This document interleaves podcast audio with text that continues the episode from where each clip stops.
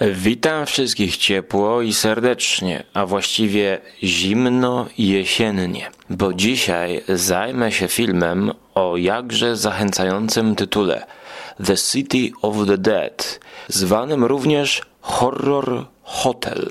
Wyreżyserowane jest to dzieło przez Johna Moxeya z 1960 roku.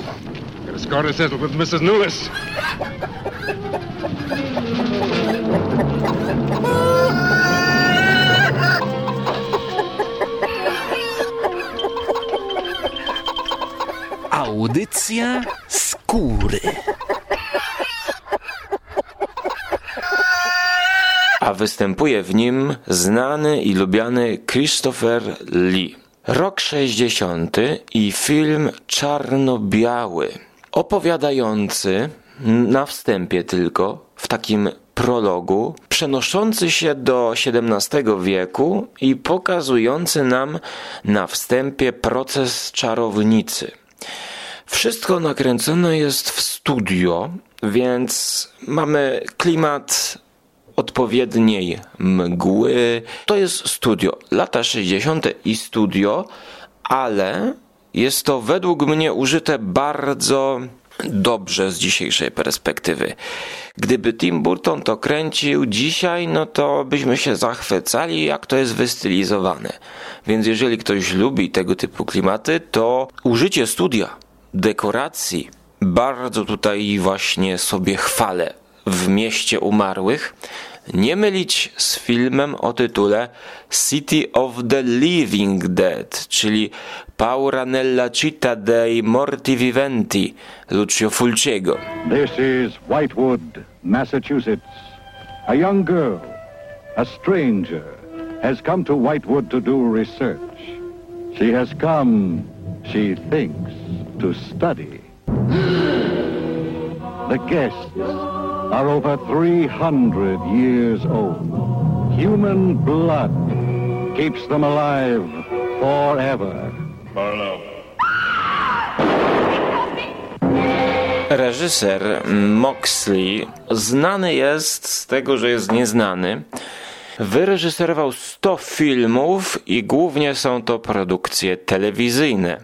Natomiast omawiany dzisiaj pochodzi z 60 roku i jest jego trzecim filmem w dorobku, natomiast pierwszym e, kinowym, pełnometrażowym. Tak więc no, zaczął e, horrorem, mało znanym.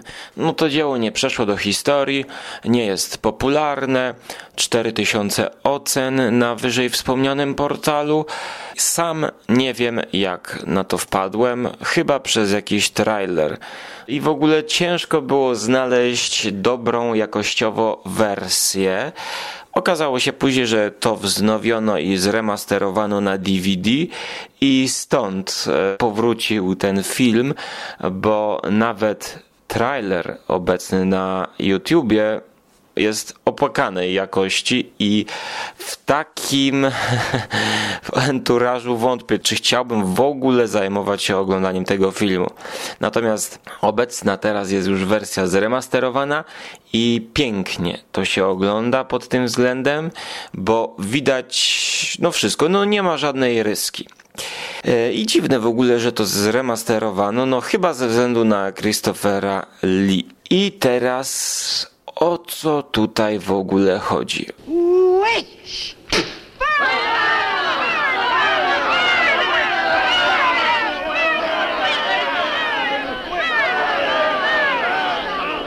Pięciominutowy prolog pokazujący śmierć na stosie czarownicy.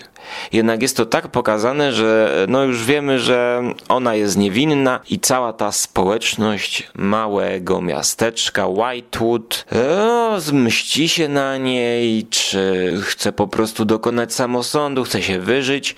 Byle pretekst, żeby kobietę spalić na stosie. We the people of Whitewood, Massachusetts condemn thee as a witch. I to tyle z prologu przenosimy się do lat współczesnych, 60. Jednak już sama czołówka filmu i napisy wraz z muzyką ukierunkowują nas na inne klimaty. Zanim przejdę do opisu głównej fabuły, wczujmy się w klimat i posłuchajmy motywu głównego, właśnie main titles z filmu Miasto Umarłych.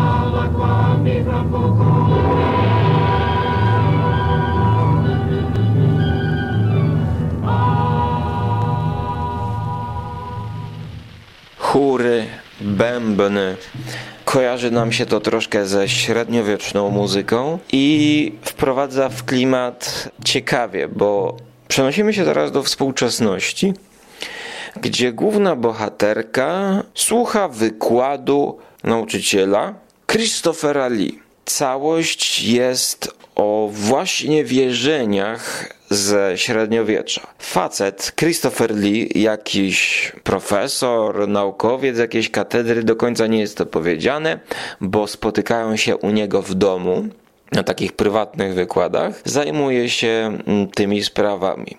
Główna bohaterka widać jest zainteresowana i po spotkaniu mówi Christopherowi Lee, że chce napisać doktorat na tematy właśnie wierzeń, wiedźm i tak dalej. I feel I need some first-hand research. I want to get the atmosphere.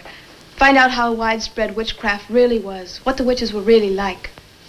That might take a little time, you know. Well, I have the time. What I'd really like to do is to get a room in the smallest, oldest town in New England I can find. Check through all the town hall records, recheck the libraries, talk to the Puritan descendants, make a really thorough investigation. Your brother is professor of science, Miss Barlow. I hardly think he'd be very interested in the history of witchcraft. Then I'd go alone. Na co nasz profesor daje dobrą wskazówkę, żeby pojechała do Whitewood, do gospody. On załatwi jej tam wszystko, dojazd i ona będzie mogła tam studiować, robić wywiady i tak dalej. Kobieta wyjeżdża, mimo iż jej chłopak czy facet, który do niej się zaleca, jest, jest bardzo nastawiony na nie, w ogóle, że to są superstitions, przesądy, nie trać na to czasu. No, ona mówi, że ale, ale to byli prawdziwi ludzie, ona chce to zrobić. I tutaj na samym początku pojawia się zgrzyt filmowy, taki właśnie pokazujący bardzo jednostronnie postaci, czyli że ona jest, chce, ona chce badać, a jej ten um, zalotnik taki typowy, młodzieżowo przedstawiony, jak w latach 60. On, nie, nie, to są same przesądy, przesądy. Kiedy ona w ogóle nie staje po żadnej ze stron, czy wierzy w te przesądy, czy nie. Ona chce to po prostu zbadać, opisać i tak dalej. To mnie troszkę zabolało na początku, no bo myślę, będziemy szli w takie stereotypy, no ale z drugiej strony to jest lata 60., no to dopiero się to rozwija, no to jakoś trzeba to pokazać. Jednak pod koniec filmu odkryłem, że to było chyba zamierzone. co się dzieje? Ona przyjeżdża do tego miasteczka i to miasteczko jest rzeczywiście jak z filmu wyjęte, nakręcone w studio. Puszczają tam pełno pary, pełno sztucznego dymu. Kiedy ona jedzie samochodem, to za oknami też jest pełno dymu i całość nakręcona jest za pomocą tak zwanej projekcji tylnej, gdzie samochód stoi i jest potrząsany, a tak naprawdę gdzieś z boku, w zależności gdzie kamera, bądź z tyłu jest puszczany jakiś tam film to robi klimat, to jest kręcone w studio. Na coś takiego teatralnego miałem ochotę i to dostałem w bardzo dobrym wykonaniu. Kiedy ona przyjeżdża do tego miasteczka, to pojawia się klimat miast znanych z powieści, z opowiadań Lovecrafta. Również klimat znany z ekranizacji Lovecraftowych, czyli z tego co pamiętam teraz Haunted Palace, gdzie właśnie też mamy takie miasteczko pokazane mm, w reżyserii Rogera Cormana e, z Vincentem Price'em na podstawie Edgara Allana Poe. Jednak e, tam e, było to dosyć tak zmiksowane i pomimo, że było to mm, na podstawie Edgara Allana Poe, tak, przepraszam, Edgara Allana Poe i właśnie Lovecrafta. E, dwa opowiadania zostały tam zmiksowane. Haunted Palace, 63 rok. Polecam. Film nakręcony w kolorze. I właśnie skojarzyły mi się te dwa filmy poprzez ten klimat, czyli 60 rok, czarno-białe miasteczko z kościołem rozpadającym się w głównym miejscu, takim przypominającym dom Amityville Horror i Haunted Palace, miasteczko nawiedzone przez dziwne osobistości, gdzie w cieniach gdzieś tam zwijają się, skręcają jakieś powykręcane pokraki. Tutaj w mieście umarłych przechodzą ludzie, którzy ciągle przewracają oczami, a właściwie nawet nie z ukratka, tylko wręcz dwie kobiety dziwne, starsze, które stają i nagle patrzą się na naszą główną bohaterkę. Miasteczko nieprzychylne przyjezdnym, poza jednym miejscem biblioteką, gdzie o dziwo spotykamy normalną bibliotekarkę, również ładną blondynkę, dziewczynę, która wypożycza naszej głównej bohaterce przyjezdnej jakąś książkę o, o wiedźmach czy o, o przesądach. Ona z tą książką udaje się do owej gospody. Gospody, w której miała mieć załatwione miejsce przez Christophera Lee. No to chyba powinno być to miejsce, już pewne. No i tutaj po kilku przepychankach, że gospoda jest zajęta, jest dosyć niegościnnie, ona chce zostać. Zostaje. Then you're Mrs. Newless. I am. May I help you? Yes, I'd like to have a room here for two weeks. The hotel is quite full. Oh, the guests are never about at this time of the day. Well, I'm a student of Professor Driscoll's. He told me if I mentioned his name, I'd have no trouble. Well, there is a room I could let you have. It's just off the lobby. Oh, thank you. Kładzie się do spania. Jednak pod dywanem odkrywa jakąś klapę, spod której słyszy dźwięki. Jakieś chóry, śpiewy tajemnicze.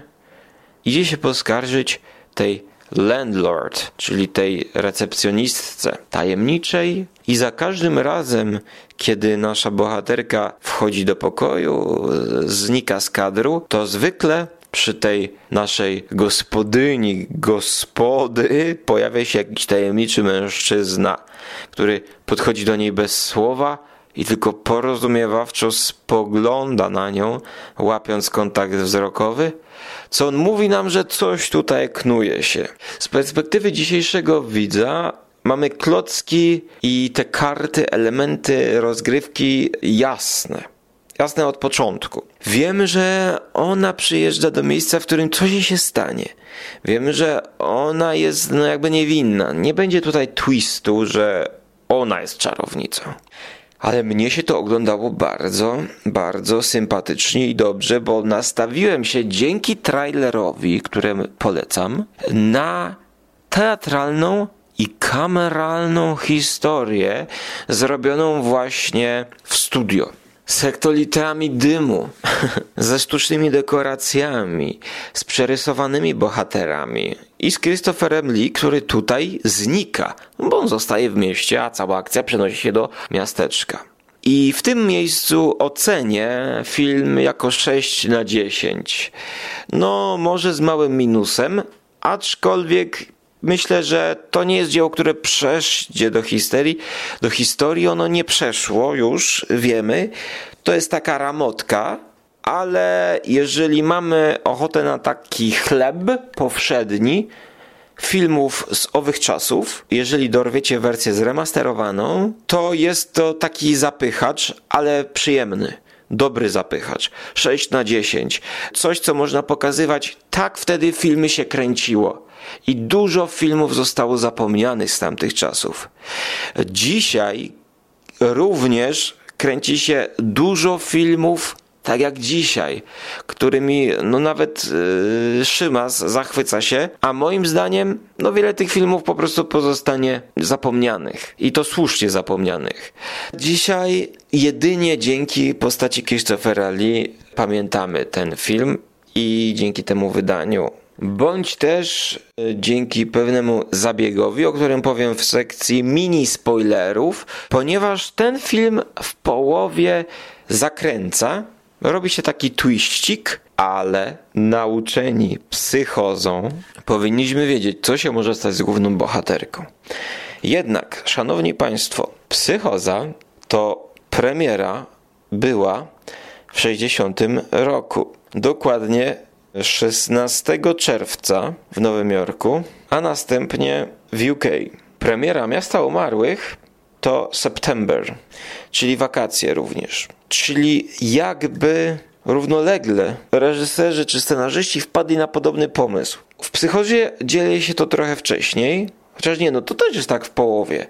I w Mieście Umarłych yy, właśnie to jest ten przypadek, gdzie ludzie wpadają na ten sam pomysł, ponieważ główna bohaterka w połowie filmu jest zamordowana przez naszą społeczność tajemniczą społeczność pod przewodnictwem gospodyni owej Raves Inn bodajże, którą okazuje się odgrywa ta sama aktorka z początku, z prologu, wcielająca się w rolę ukamienowanej wiedźmy. Więc tutaj mamy taki twist, że wiedźma naprawdę istniała i teraz panuje w mieście umarłych. A jakby smaczku dopełnia to, że to właśnie Christopher Lee zna ową miejscowość i to, co tam się dzieje. No i jakby polecił tej dziewczynie, żeby sobie tam pojechała, załatwił jej hotel, stąd też also known as Horror Hotel. I właśnie, mamy teraz zmianę punktu w narracji, ponieważ przenosimy się do tych młodzieńców, czyli do tego młodzieńca i brata naszej głównej bohaterki, który również jest wykładowcą i zna Christophera Lee. I oni dwoje będą właśnie tropić i szukać jej e, siostry i dziewczyny, która wyjechała i nie ma po niej znaku. Podobny motyw powraca w, we współczesnych filmach w takich jak choćby Artura Pena, film Śmiertelnie mroźna zima, Dead of Winter. Jest on nakręcony w stylu De Palmy. Arthur Penn, czyli znany od Bonnie and Clyde. Właśnie podobny motyw, że Mary Strindberger zostaje porwana w tej śmiertelnie mroźnej zimie i za nią chłopak z miasta pędzi do tego małego miasteczka odnaleźć się. Tak właśnie jak w mieście umarłych. Teraz te moje narzekania z początku na stereotypowość postaci z początku odwraca się i była zaplanowana, tak więc plus dla autorów, bo teraz okazało się, że jakby oni mieli rację I to było dla naszej zmyłki, że oni są tak, tak postrzegają. Więc ja już ich oglądając zakwalifikowałem. No tak, nastolatki, e, sceptycy, oni, oni są tutaj tylko tak ze względu na lata 60., że to tak, tak, tak się wtedy kręciło. A jednak reżyser zaskoczył mnie. Pozytywnie szósteczka, myślę, że polecam. E, jeżeli będziecie mieli na kameralne, czarno-białe klimaty. Plusem dodatkowym jest to, że ten film jest nakręcony, no nie skróciłbym go. No jeżeli ja tak często lubię skracać filmy, to tutaj no najwyżej minuta. Więc no jakąś scenę gdzieś bym może przyciął coś ten bardzo, to jest dobrze wymierzony film. 70 chyba 5 minut które jakby mijają dlatego szybko, że tutaj w każdym scenie jakby coś się dzieje, tak? Tutaj spotyka nową postać, tutaj jest nowa mm, lokalizacja, e, jakiś ksiądz miejscowy wchodzi, który oczywiście przestrzega, wszyscy przestrzegają, przestrzegają, ona nie słucha. I myślę, że to na tyle bo powiedziałem, czym ten film jest, dlaczego nie jest zapamiętany i dlaczego przez miłośników horroru, e, klimatów e, no Hammera to nie, bo to jest jeszcze krok przed Hammerem. To jeszcze są filmy uboższe niż u Hammera. Ciekawy związek z psychozą, trzeba by to zbadać, na podstawie czego e, zostało nakręcone, ponieważ e, ten film jest na podstawie jakiejś story. Milton Subocki, story, czyli opowieść. Tutaj widzę, że potem opowieści skrypty. Być może człowiek pisał do no, Amicus Productions, to low medium budget. Tak. Dr. Phipps, więc ciekawe, ciekawe, kto pierwszy wpadł na pomysł, żeby w połowie filmu uśmiercić e, główną bohaterkę. Czy to był Robert Bloch wraz z Hitchcockiem? Czy to był Subocki? Tutaj musiałbym się bardziej wgłębić, no zbadać czym jest to owe story.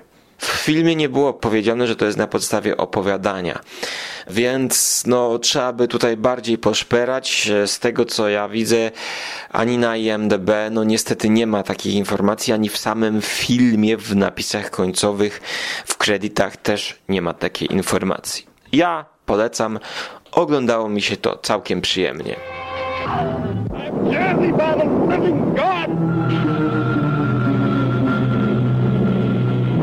I dzisiaj specjalnie dla Was zaprosiłem gościa Jacka Rokosza, mm, prowadzącego sklepik z marzeniami, a także aktualnie działający podcast Strefa Mroku. Y, witam Cię Jacku.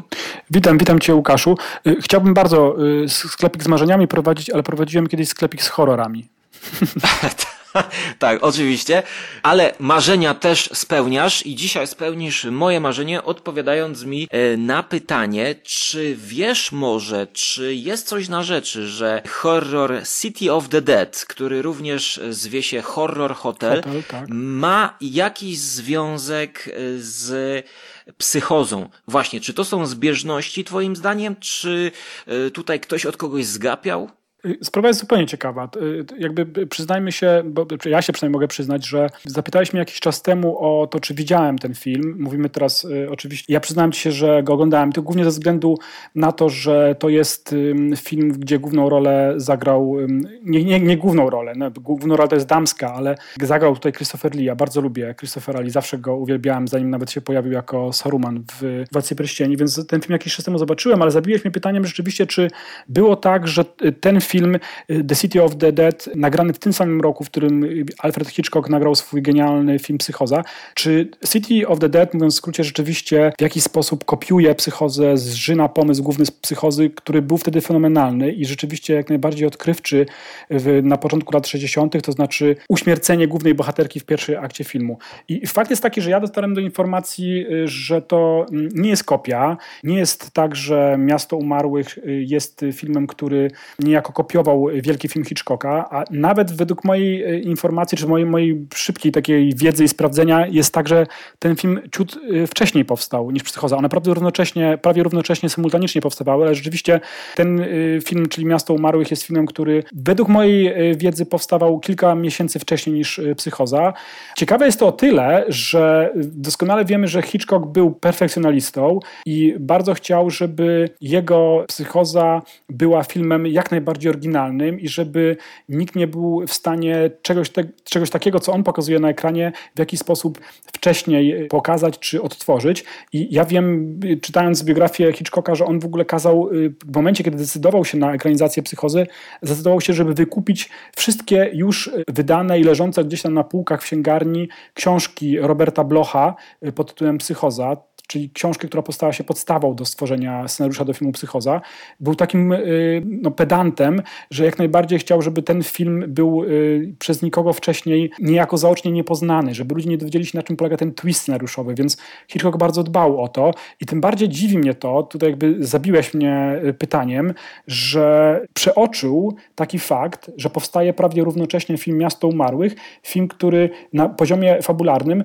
jest zbieżny z tym, co widzimy w Psychozie, a o tyle jest to jeszcze dla mnie ciekawe, że jest film, który powstał rok później, o który to Hitchcock y, no, był wyraźnie niezadowolony z tego. Był taki facet, który nazywał się William Castle. Był znany z tego, że kręcił bardzo dużo tanich filmów i często, podobnie jak Roger Corman, z, mając nieco mniejszy budżet, zwyczajnie kręcił swoje wersje znanych przebojów amerykańskich. I jest taki film, nawet niezły, ale ewidentnie tutaj możemy mówić o wtórności, pod tytułem The Homicidal, gdzie w tym dreszczowcu William Castle przedstawia historię bardzo podobną do y, psychozy. Mamy ten słynny twist dotyczący bohaterki, mamy twist dotyczący głównego jakby sprawcę złych zajść, tak jak w psychozie. I'm William Castle and uh, uh, this wheelchair is just to rest my tired nerves after producing a picture like this one. William Castle tak naprawdę odtworzył po swojemu w tańszej wersji psychozę Hitchcocka i oto Hitchcock miał y, pretensje, tylko że stało się to już po premierze, długo po premierze, no długo, no rok po premierze psychozy, w związku z tym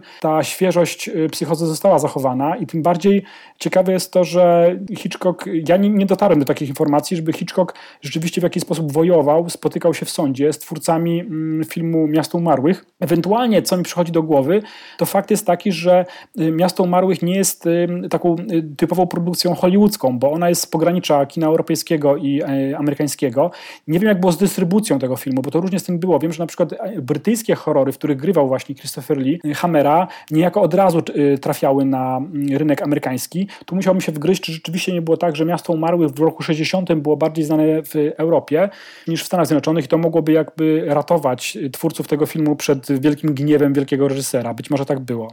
Tak myślę, a również nie wykluczamy sytuacji, że po prostu e, no równocześnie, tak jak w przypadku wymyślenia telefonu, dwóch twórców wpadło tak. na podobny pomysł mniej więcej w tym samym momencie, tak powiem, historii kina, e, bo tutaj mamy do czynienia z filmem brytyjskiego reżysera Johna Moxeya. Tak. Pewnie to mogło pójść w, w tym kierunku, natomiast tutaj właśnie ciekawe polecenie. William Castle, ja go znam z filmów e, z Vincentem Price'em. Tak, House Dom na nawiedzonym wzgórzu. Tak. tak, albo Tingler.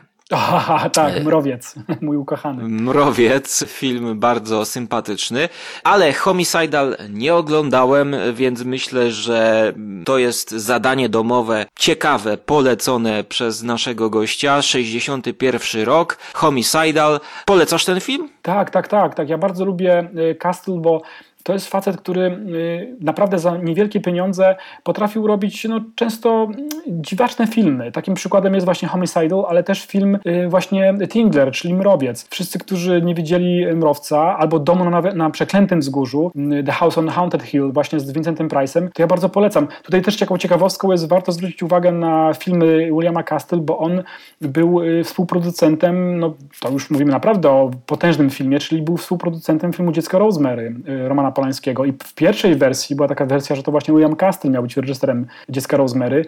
E, chyba na szczęście został nim Roman Polański, bo w tym momencie ten film stał się zwyczajnie kinem mainstreamowym, bo jednak e, filmy Williama Castle to jest nisza, to jest kino klasy B, to są filmy, które fajnie się bawią z konwencją. Wszystkie te filmy, o których mówimy, i Tingler, i Dom na Przeklętym Wzgórzu, no Homicidal pewnie najmniej, ale one rzeczywiście gdzieś tam próbują z przymrużeniem oka pokazywać horror. Polecam wszystko Castle, jeśli ktoś ma trochę wolnego czasu i chce zobaczyć dziwne, dziwne filmy y, robione za tańsze pieniądze, ale z fajnymi pomysłami. A Homicidal warto zobaczyć ze względu na tą zbieżność z Hitchcockiem i gdzieś tam rzeczywiście odcinanie kuponów. Nie wszystko się zgadza, nie ma tu Normana Batesa w tym znaczeniu oczywiście Hitchcockowym. Ja nie chcę oczywiście zdradzać, bo podobnie jak w Psychozie i u Castle również jest y, pewna odwrotka i to dosyć ciekawa no, zwyczajnie warto, warto go zobaczyć, żeby sobie stworzyć taką, e, taki dyptyk e, właśnie między psychozą a homicidal.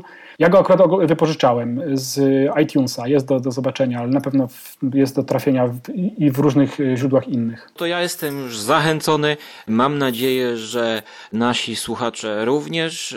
No i dziękuję Jackowi tutaj za Dzięki. gościnny udział i odsyłam ciebie do strefy mroku, chociaż Znikam, nie wiem, czy tak. chcesz tam wracać. No ja tam jestem cały czas, także wiesz, nie jest pewność z kim rozmawiałeś, prawdopodobnie wiesz, tak naprawdę nie jestem kim, za kogo się podaję, bo, bo tak to bywa w strefie mroku. Ja się tak dematerializuję i, i pojawiam się w strefie mroku, jak zawsze. Dzięki no to mam też. nadzieję, że do usłyszenia.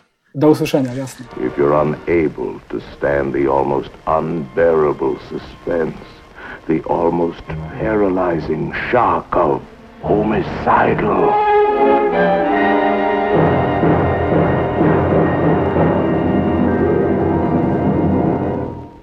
A na koniec pożegnam Was muzyką, motywem, który rozpoczyna i kończy film, czyli End Titles. Wydaje mi się, że to z początku nieznacznie różni się, ale pokazuje motyw takiej średniowiecznej grozy.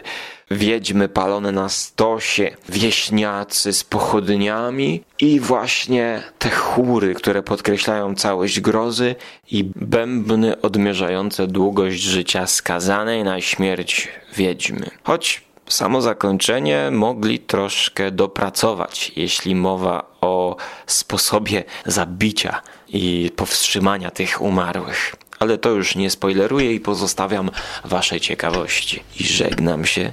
Do usłyszenia w przyszłości.